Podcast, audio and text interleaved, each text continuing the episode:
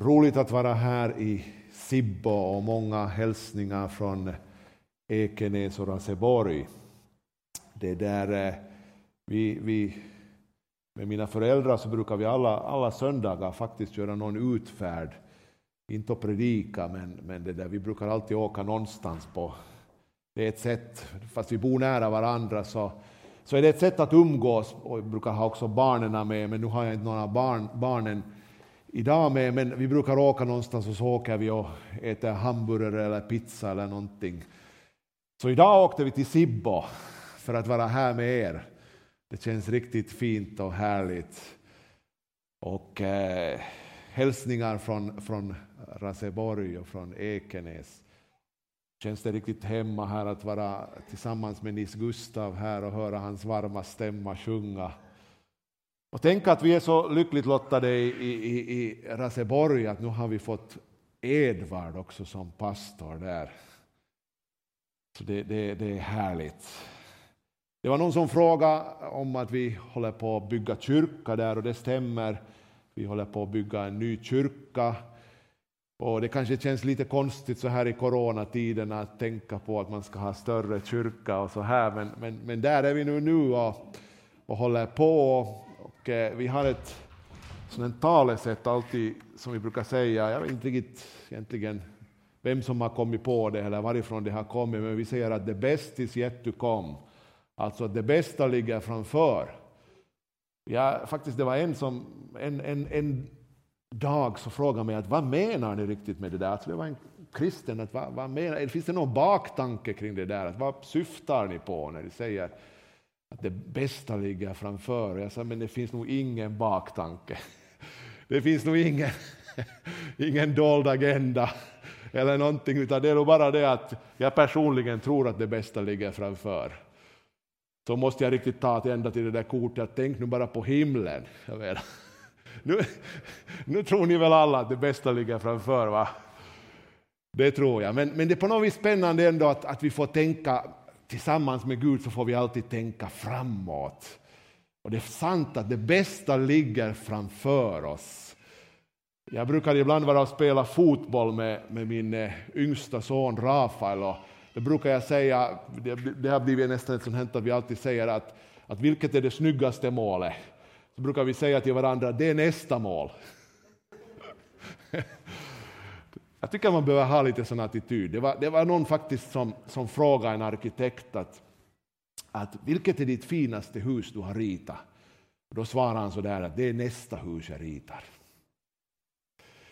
Så det bästa ligger framför och vi tror ju alla att vi kommer ur, ut ur det här coronatiden och att, eh, att vi får... Eh, det, jag menar, vi samlas ju också i Raseborg, men det är ändå liksom så här, det känns lite som att det är någonting vi ändå lite vill komma ut ur. Och, och det är ju härligt med alla de här maskerna som vi bär på och så här, men, men det, det ger sig nog, det blir nog bra så småningom.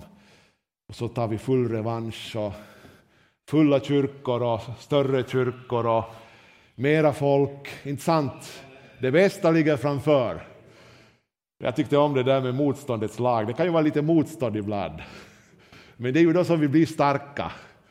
Jag faktiskt, eh, jag, är så pratglad idag, jag kommer inte till vad jag ska säga heller, men jag, faktiskt, jag brukar ofta lyssna på predikningar. Jag, jag, är så där, jag orkar inte så mycket läsa böcker på kvällen och jag lyssnar på predikningar på kvällen och ibland så somnar jag och så vaknar jag och så lyssnar jag. Och så sover jag igen, så det blir en salig blandning. Och igår kväll tror jag faktiskt det var jag lyssnade till, och, och hur bra stormar kan vara i våra liv. jag måste erkänna att jag sov nog däremellan, men så vaknade jag upp och så sa den där predikanten att, att vi ska vara som örnarna som ger oss in i stormen. För att, inte för att tryckas ner, utan för att lyftas upp. Och det tog jag emot från den predikningen, och så sov jag gott vidare. Men hörni, nu ska vi slå upp våra biblar. Markus evangelium kapitel 5 och vi ska läsa verserna 24 till 34. Ja, det ska jag försöka. Jag ska hoppas att den hålls. Är det bättre nu tror ni? Så ska vi hoppas att den hålls så där. Eh, vi läser från Markus evangelium kapitel 5 och verserna 24 till 34. Då gick Jesus med honom. Ja, jag kan ta tillbaka lite, vi, vi, vi, eh, för att vi bara kommer in i situationen. Jesus hade just varit över på andra sidan sjön. Där hade han träffat den här mannen som var besatt på garasenernas område och han hade befriat den här mannen. Och nu står det att Jesus var tillbaka och där var massor, massor av människor. Och då läser vi från vers 24. Eh, ja, Jairus hade också varit där och det, det, det, var liksom en sån här situation. Jag tycker på något vis den är så intressant den här momentet i, i Bibeln för att det är så mycket som händer. Det är så mycket som händer just där. Och, och, det var just också här som Jairus, den här synagogsföreståndaren, kom och föll ner inför Jesus och bönade och bad om att han skulle hjälpa sin dotter. Och då står det så här, då gick Jesus med honom, mycket folk följde efter och trängde sig in på honom. Där fanns en kvinna som hade haft blödningar i tolv år. Hon hade fått lida mycket hos många läkare och lagt ut allt hon ägde, men inget hade hjälpt. Hon blev bara värre. Hon hade hört talas om Jesus och nu kom hon bakifrån i folkmassan och rörde vid hans mantel. För hon tänkte, om jag så bara får röra vid hans kläder så blir jag frisk. Genast stannade hennes blödning och hon kände i kroppen att hon var botad från sin plåga. Jesus märkte genast inom sig att det hade gått ut kraft från honom. Och han vände sig om i folkmassan och frågade, vem rörde vid mina kläder? Hans lärjungar sade till honom, du ser hur folket tränger sig in på dig och så frågar du, vem rörde vid mig? Men han fortsatte att se sig omkring efter henne som hade gjort det. Kvinnan visste vad som hade hänt med henne och hon kom rädd och darrande fram och föll ner för honom och berättade hela sanningen för honom. Då sade han till henne, min dotter, din tro har frälst dig. Gå i frid och var frisk och fri från din plåga. Är det inte en otroligt hoppingivande och härligt och upplyftande berättelse direkt ifrån Jesu liv? Och eh, vi ser i det här sammanhanget, och som jag redan sa tidigare, att det var ofta som så att där Jesus fanns så samlades det väldigt mycket människor. Människor drogs till Jesus och inte undra på det. Han gjorde under. Han talade så som ingen annan talade. Och naturligtvis så väckte det också väldigt mycket nyfikenhet bland människor. Människor kom för att lyssna. Människor kom med sina behov till Jesus. Människor kom för att de var nyfikna. Människor kom med sin situation av nöd till Jesus för det var någonting i honom som gav hopp. Och här läser vi den här berättelsen om en kvinna som hade lidit mycket på grund av sin sjukdom. Hon hade blödningar och hon hade haft det i många, många år. Tolv år! Kan ni tänka in vilken plåga det hade varit? Det är ju så när man läser ibland så kanske man glömmer bort att tänka att 12 år är en ganska lång tid att gå med en plåga i sin kropp. Och det var ju inte bara det att hon hade lidande i sin kropp och, och kanske led fysiskt på det viset, men hon fick också, också lida av en väldig ensamhet. För lagen sa att hon var liksom oren och hon fick inte röra sig bland människor och hon kunde inte gå till synagogan för att prisa Gud och hon kunde inte vara bland människor. Tänk vilken ensamhet hon måste ha upplevt. Delvis att hon var sjuk i sin kropp och att hon led och hade kanske smärta och på det viset. Men också det att hon var ensam många gånger. Men nu har det hänt någonting och, och den här kvinnan eh, hade hört om Jesus. Och eh, det står ju här att hon hade försökt på allt. Hon hade gått till läkare och hon hade säkert gått till olika människor och försökt få hjälp, men ingenting hade hjälpt, står det. Ni kan tänka er den känslan när man har försökt allt och ingenting hjälper. Men det är ju det som är det goda med det, att ibland är det just då som vi blir öppna för någonting nytt. När vi har försökt på allt annat och när vi inte har någon kvar, när vi inte har någonting annat att pröva på. Jag vet att det är väldigt många människor som säger att de har mött Jesus när det inte fanns någonting annat kvar. Jag hörde för inte alls länge sedan en berättelse, just en människa som berättade för mig på det här viset. Att när ingen annan möjlighet fanns, då gav jag Jesus en chans. Och det var säkert lite också som så i den här kvinnans liv. Hon hade prövat på allt, hon hade försökt på allt, ingenting hade hjälpt. Hon var fortfarande ensam och utstött och hon var fortfarande plågad av sin åkomma. Men nu hörde hon om Jesus. Och eh, så hände det någonting fantastiskt i hennes liv, någonting av hopp liksom började vakna i henne. Och vi vet ju inte exakt, det står ju väldigt lite, men det, det, egentligen skulle det vara väldigt roligt om man skulle vara en filmregissör. Skulle det vara ganska spännande att göra en, en, liksom ett, ett, ett, en sån här lite, man skulle lite kunna fantisera ihop hur det var för den här kvinnan och göra en, en, en film om hennes liv. Det skulle säkert finnas en hel del stuff där. Det, jag menar säkert, tänk liksom, säkert vilka tankar hon har fått gå igenom. Tänk säkert vilka liksom, ja, känslor hon har fått gå igenom till att komma till det här. Och, och, men nu hade det fötts hopp i hennes hjärta, hennes liv. Hon hade, vem vet, kanske hon hade varit och smyg och tittat på Jesus. Kanske hon hade varit i smyg tidigare och, och, och, och hört på Jesus. Och vi vet ju inte, kanske hon till och med hade tänkt den tanken tidigare. Det kan inte vi veta, men vi kan fantisera. Och nu är det här ju min predikan, så jag får ju fantisera fritt. Eller vad? kanske hon till och med hade tänkt den tanken tidigare, att kanske jag borde gå fram till Jesus. Men så hade hon fört sin kamp med sig själv och kanske kommit till att nej, det går nog inte. Det vågar jag inte. Men i den här situationen som hon just nu fanns så hade hon säkert kommit till en sån endstation att hon tänkte att det får bära eller brista. Jag brukar berätta om att när jag var riktigt kär i, Johanna, som är nu min fru, så det där, ni vet att det är, liksom, det är inte så lätt det där att fria. Jag vet inte om ni kan identifiera er, men, men liksom man tänker det där, tänk om man får nej. Tänk liksom om jag, liksom, det är ju lite nollåt. Och jag minns hur jag förde min kamp. Den var inte säkert lika svår som den här kvinnans kamp, men jag minns hur jag förde med min kamp med mig själv. Ska jag våga eller ska jag inte våga? Och så minns jag att jag läste Sören Kierkegaard, tror jag det var, som har skrivit och sagt så här att, att våga är att förlora fotfäste för en tid. Att inte våga är att förlora sig själv. Och jag tänkte, men jag vill inte förlora mig själv. Och jag frågade chans på Johanna. Nåjo, hon sa kanske, men att det är en lång historia.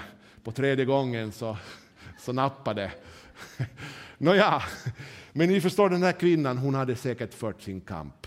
Du har säkert fört din kamp ibland, att våga ta det där trosteget. Jag menar, men nu står det att, att hon, hon, hon, hon, hade en plan.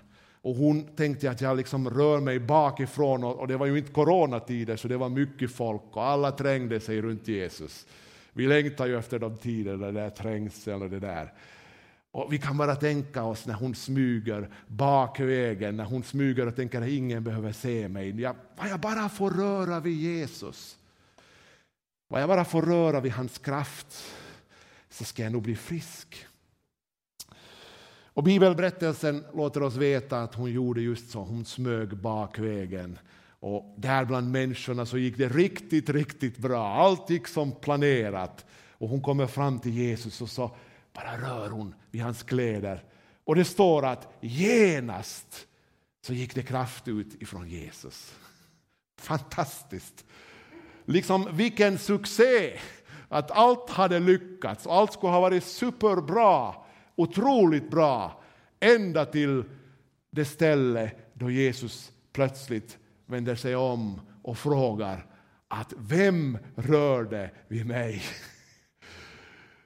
Och det är ju här som det blir lite skojigt för att lärjungarna de, de säger till Jesus, men vad menar du Jesus? vad talar du om att här tränger ju alla sig på dig och det är ju fullt med människor och alla rör ju vid dig. Men då säger Jesus, nej men det var någon som rörde vid mig på ett speciellt sätt och jag kände att det gick ut kraft. Har du tänkt på det? Att man kan röra vid Jesus och så kan man röra vid honom i tro. Man kan gå till gudstjänst och så kan man gå i gudstjänst i tro. Man kan ge kollekten eller så kan man ge kollekten i tro. Är det en skillnad? Det är en skillnad, tydligen. Och den här kvinnan, Jesus kände det genast, att det var inte som alla andra vidrörningar. Det var inte som alla andra som trängde sig på och drog vid honom och försökte slita. Han kände genast att det gick ut kraft, det var någon som rörde vid honom i tro. Och inte det som just precis som vi också upplever att vi vill röra vid Jesus. Den här bibelberättelsen är väldigt betydelsefull för mig för att eh, det var ungefär för tio år sedan. Eh, jag ska försöka berätta det här. Eh, ni vet, vi har fyra barn och eh, vårt tredje barn Fernando han har autism. Och eh, ungefär när han var jag kommer inte exakt ihåg, men det var just då som det nyligen hade hänt att det började bli klart för oss att, att vår son Fernando hade en diagnos. Och vi hade jättejobbigt hemma för han sov inte på natten eller nätterna. Det var, han hade också astma. Och ni vet, ni som haft små barn, hur slitsamt det kan vara när nätterna går och, och hur slitsamt det kan bli. Och så får man ännu på råga på allt en sån här, ja, att vår kära son hade autism. Eh, jag skulle på en resa. På den tiden hade jag väldigt mycket att göra med, med, med våra vänner från Burma, karener. Jag minns att jag var på en konferens, skulle vara på, i Nyslott. Eh, det var vid nyår. Och eh, för mig var det nog en väldigt jobbig situation. Jag visste att jag behövde lämna Johanna ensam med alla barn och allt det där som vi just hade fått veta och börja förstå. Och eh, jag skulle iväg på den här konferensen och jag fanns där någonstans i Nyslott. Och den där natten så skulle jag sova hos någon som inte jag kände ut långt i skogarna i Nyslott. Och jag minns hur det kändes mörkt, jag minns hur jag kämpade med min kallelse. Att är det nu faktiskt det här som jag vill göra? Och Gud, liksom, att, vad, vad har du för väg för mig? Liksom först kallar du mig att bli pastor och så liksom, ja, allt det här, allt det här gick, jag, jag hade en sån kamp med mig själv. Och jag minns att jag läste den här bibeltexten. Och så kom jag till den slutsatsen, men att Jesus, kan inte jag få röra vid dig i tro? Nu om någonsin behöver jag Jesus få röra vid dig i tro. Och vet ni vad? Någonting hände den där kvällen. Den där sena, det var nästan natt. När jag låg där på mitt rum, någonstans i skogarna ytter om Nyslott. Och då bara kände jag och jag fick ny kraft. Jag bara kände, och det här bibelordet blev så betydelsefullt för mig. Och jag, allt sedan dess har jag liksom bara älskat den här bibelberättelsen och tänkt på det där hur fantastiskt det är att vi kan få röra vid Guds löften i tro. Nu ska jag bara på ett vis skynda mig vidare för att åren har gått och eh, om ni funderar med Fernando så jag ska säga han är han är Raseborgs lyckligaste 13-åring. Det fanns en tid i mitt liv, jag minns en gång jag kom hem från en resa från Afrika och de ABBA sjöng i mikrofon, eller vad mina hör, hörlurar sjöng om Fernando. Ni vet, de har en sån sång. Och jag kunde inte, fast jag satt bland människor, så kunde jag inte låta bli att jag storgrät. Det var så känsligt för mig. Det var så. Men idag är jag så lycklig över Fernando. Gud kan oss kraft. Och dessutom säger Johanna, hon brukar ofta säga så här att, att Fernando har gjort mig till en bättre människa. till en bättre pappa. Och jag får väl tro det. Gud är god. Och det är ju inte alltid som så att alla, allt motstånd alltid genast flyttas bort. Det är ju inte alltid som så att alla liksom stenar som är i vår väg och alla problem och alla utmaningar, alla stormar och allt liksom bara försvinner på en stund. Men vi får kraft. I, när vi rör i Jesus i tro så får vi uppleva kraft och det kan du också få uppleva idag. Vet ni vad? Det finns över 7000 löften i Bibeln. Och de kan vi få röra vid idag, ikväll, i tro. Och jag säger det igen. Det är en skillnad att gå till gudstjänst i tro. Det är en skillnad att röra vid löftena i tro. Det är en skillnad att röra vid Jesus i tro. Och det kan vi få göra ikväll. Den här kvinnan som vi läste om, allt gick så väl ända tills Jesus säger att det var någon som rörde vid mig. Och så på något vis ger han signaler att han vill veta vem det är. Och kan ni tänka hur otroligt svår situation det var för henne. Hon hade ju tänkt göra det kanske i smyg. Hon hade smugit bakvägen och tänkt att jag rör vid Jesus så att ingen ser och nu plötsligt så stannar allt upp. Och Jesus säger att det var någon som rörde vid mig. Jag kände hur det gick ut kraft. Men här är det som jag har fått lära mig och som är så fantastiskt med Jesus. Har du någon tänkt på, jag, jag, jag, jag brukar ganska ofta säga det för, för, för jag tycker att det är så fantastiskt. Ni vet, heliga män och kvinnor. Det fanns en tid i mitt liv så jag tänkte att det är sådana som man är nästan livrädd för. Det, det, är de, jag menar för att man känner alltid sig lite dålig i deras närvaro, man känner alltid sig lite ohelig. Man känner alltid att man inte är riktigt tillräckligt och man känner alltid till liksom lite att de nästan kan läsa ens tankar och vet allt vad man tycker och alla tankar som flyger. Och, och det kan ju flyga en hel del, det vet ni. Jens tankar. Men det som är så underbart att få uppleva att det är precis tvärtom med Jesus att inför Jesus och Jesu närvaro och där som Gud finns så det är ju precis tvärtom. Det är ju just där som man känner att man får vara sig själv. Har du tänkt på att när du möter det heliga så är det de stunderna egentligen som du vill egentligen öppna upp dig och säga att titta in i mitt liv, se allt. Se precis så som jag är, se allt som, är, som, är, som, som inte är så bra, se det som är bra, bra se liksom allt har ni någon gång haft en sån upplevelse? Jag, jag, jag, tänker att så här är det säkert precis. Och så här var det säkert också med Jesus. Och det var ju därför som människor formligen drogs till honom. Syndare, publikaner, människor som inte hade allt rätt i sina liv. De formligen drogs till Jesus. Och jag har ibland tänkt på det där, att är det en fara för att religion gör att vi alla, nu, nu, nu är det lite tokigt när vi säger Religion gör att vi alla sätter masker på oss.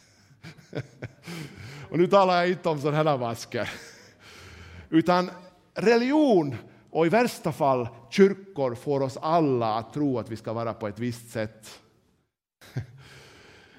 Medan Jesus vill sätta oss fria och får oss att slappna av så att vi kan känna att vi får vara oss själva. Och så här tror jag absolut att det var med Jesus. Det var därför som människor drogs till honom. Det var därför som de flockades till honom. Och jag, jag, kan tänka mig vilken underbar upplevelse det måste ha varit för den här kvinnan att ändå märka att trots att allt stannar upp och hon blir liksom på ett vis avslöjad, men att möta denna kärlek. Att möta denna helighet.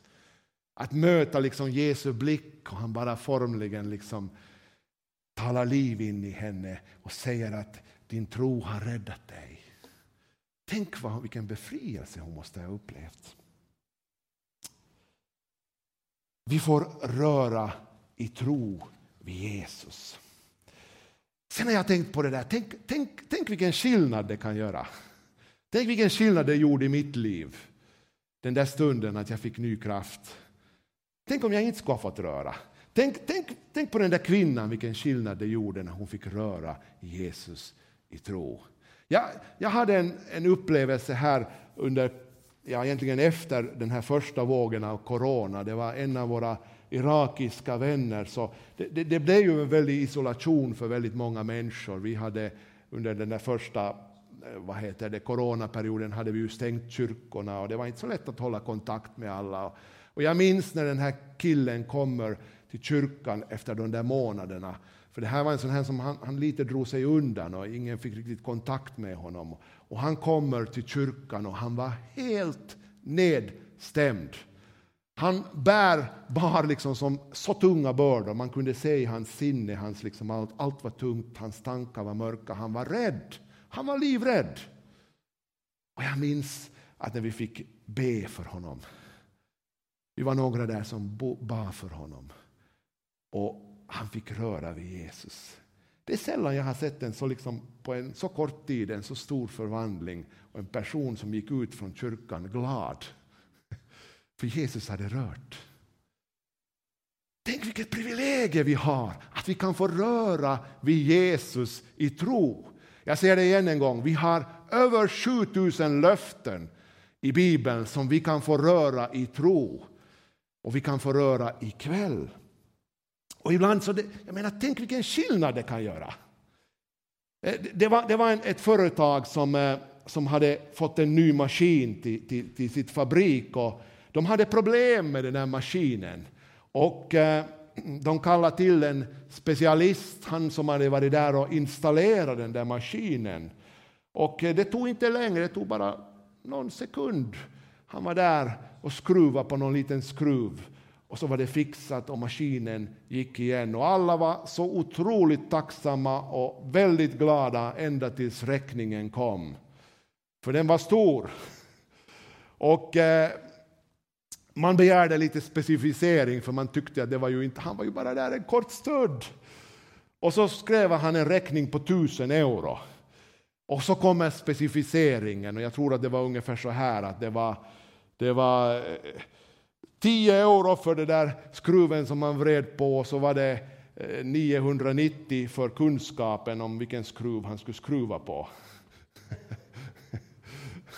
Vad vill jag säga med det här? Vet, det är ju det som är så fantastiskt med Gud, att han vet exakt vilken skruv han ska skruva på. Att, att, jag menar, ibland kan en vidrörande vid Jesus göra all skillnad. Vi försöker tänka ut, vi försöker liksom planera ut, vi försöker liksom få allt fixat. Hur ska det här kunna lösa sig? Och så får vi röra vid Jesus. Och så ordnar det sig. Det låter enkelt, men erfarenheten är ändå den att det gör all skillnad att få röra vid Jesus.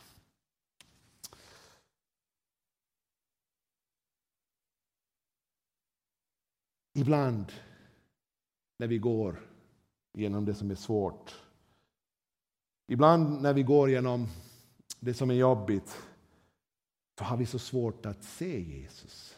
Inte sant? Vi, vi, vi, vi, liksom, vi funderar att var Jesus är du i allt det här? Var är du Jesus i det här med corona? Var är du i den här stormen som jag upplever i mitt liv, vad är liksom meningen med det här? Precis som jag tänkte och jag frågade, och det gäller Fernando, eller vi frågade, att varför händer det här oss? Vad är liksom, jag är helt säker på att du har dina situationer, du frågar Gud, att vad är meningen med det här? Varför kan inte jag se dig Jesus i det här? Men den goda nyheten är att Jesus ser dig.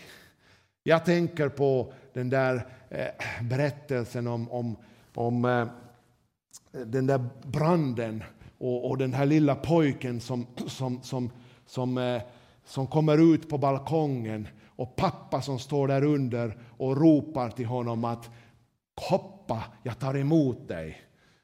Håller jag mig i kameran? Nej, det gör jag inte.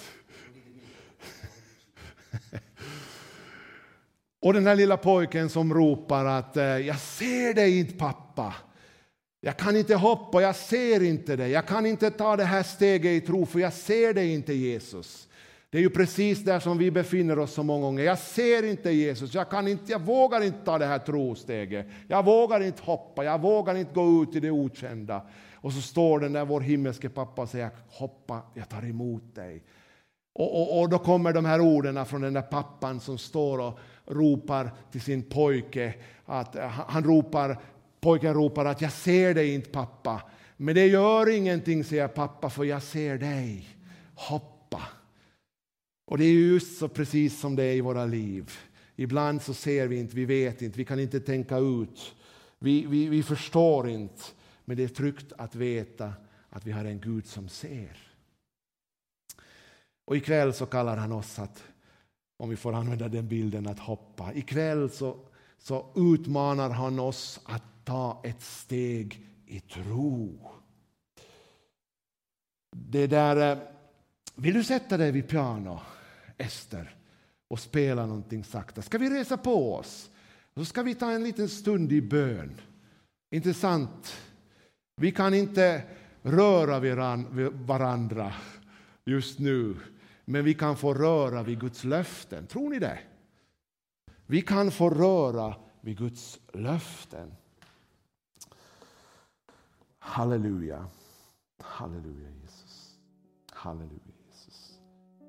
Jag har skrivit här att rädslan knackade på dörren. Tro och kärlek gick för att öppna dörren. Det fanns ingen bakom dörren. Det står i Bibeln att Guds fullkomliga kärlek driver ut all rädsla. Och Det är det som är de goda nyheterna. Evangelium är de goda nyheterna. Att Jesus ser oss. Och även om inte du ser honom just i den situation som du befinner dig i. Även om du har svårt att förstå, även om du har svårt att riktigt begripa och tänka ut, ska du veta att Jesus ser dig och han vill röra vid dig. Och du får ta ett steg i tro i ditt hjärta ikväll. Och jag vet inte vad du har för behov. Men en sak vet jag, att Gud kan förvandla människor. Om det är någonting som har varit fantastiskt roligt under de här åren när jag har fått vara pastor i Bethesda Church så är det nog det att få se förvandlade liv. Och jag skulle kunna ta berättelse efter berättelse. Människor som har fått uppleva Jesus, fått uppleva förvandling.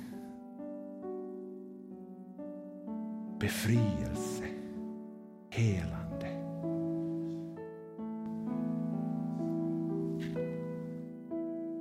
Också du kan få uppleva det. Vi kan var och en få uppleva det. Tack Jesus att vi får röra vid dig den här kvällen, vid dina löften. Tack Jesus att vi får röra vid dig i tro, Herre. Tack att vi får röra vid dig i tro för vår ekonomi. Och tack för att ett vidrörande av dig gör all skillnad. Tack att vi kan få röra vid dig för hälsa och läkedom för våra kroppar. Tack för att du är den stora läkaren. Tack att vi får sätta vår tro till dig ikväll. Tack för dina löften. Tack för att du sände ditt ord och du helade. Tack för att dina, genom dina sårmärkta händer är vi helade.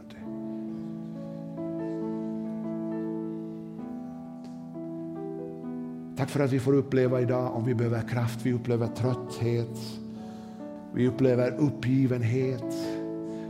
Tack för att det gör all skillnad att få röra vid dig.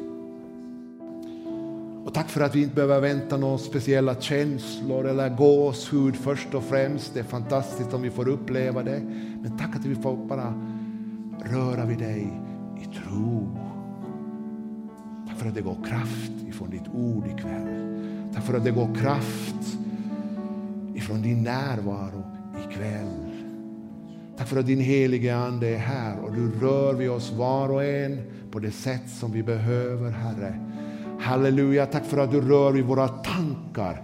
Ja, det finns någon här speciellt som behöver ett vidrörande för dina tankar, för de är mörka och du tycker att det ser dystert ut men Jesus vill röra vid dina tankar ikväll. Och han vill komma med nya tankar in i ditt liv.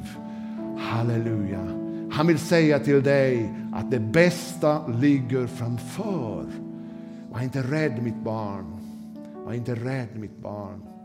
Bara öppna för min kärlek, öppna för min kraft. Och jag vill riva all rädsla på flykt. Jag vill komma med min tro och jag vill komma med min framtidstro in i ditt liv och i ditt hjärta.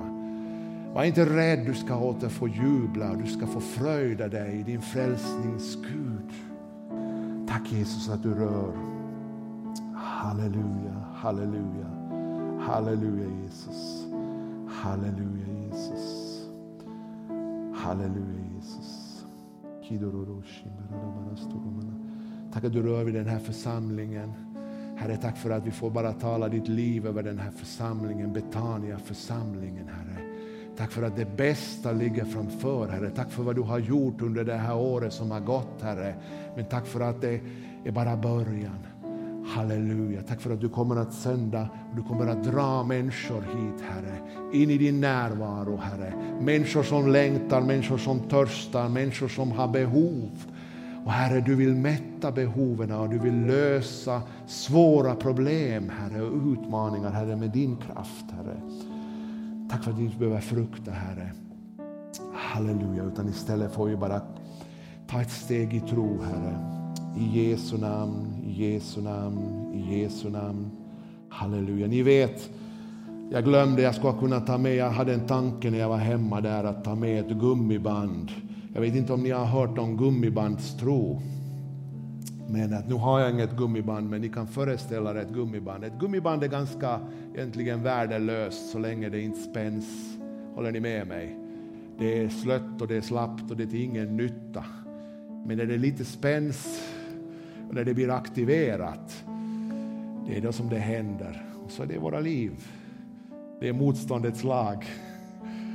Det, det är, tron behöver, det, jag tänker på de där musklerna. Tron behöver aktiveras. Tron, tron behöver liksom få lite övning.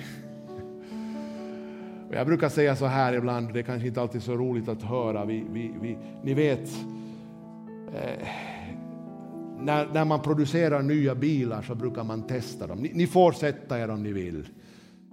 När, när, när, när, man, när, man prö, när man prövar en ny bil så brukar man testa dem, inte sant? Och har ni någon tänkt på det där med prövningar och tester som vi pratar om, att de kommer i vårt liv? Det, det är ju precis det som de är. De är tester och de är prövningar. Du säger så här att eh, Jesus, jag ger hela mitt liv åt dig. Det är Gud, låt oss testa det. Eller va? Låt oss pröva det.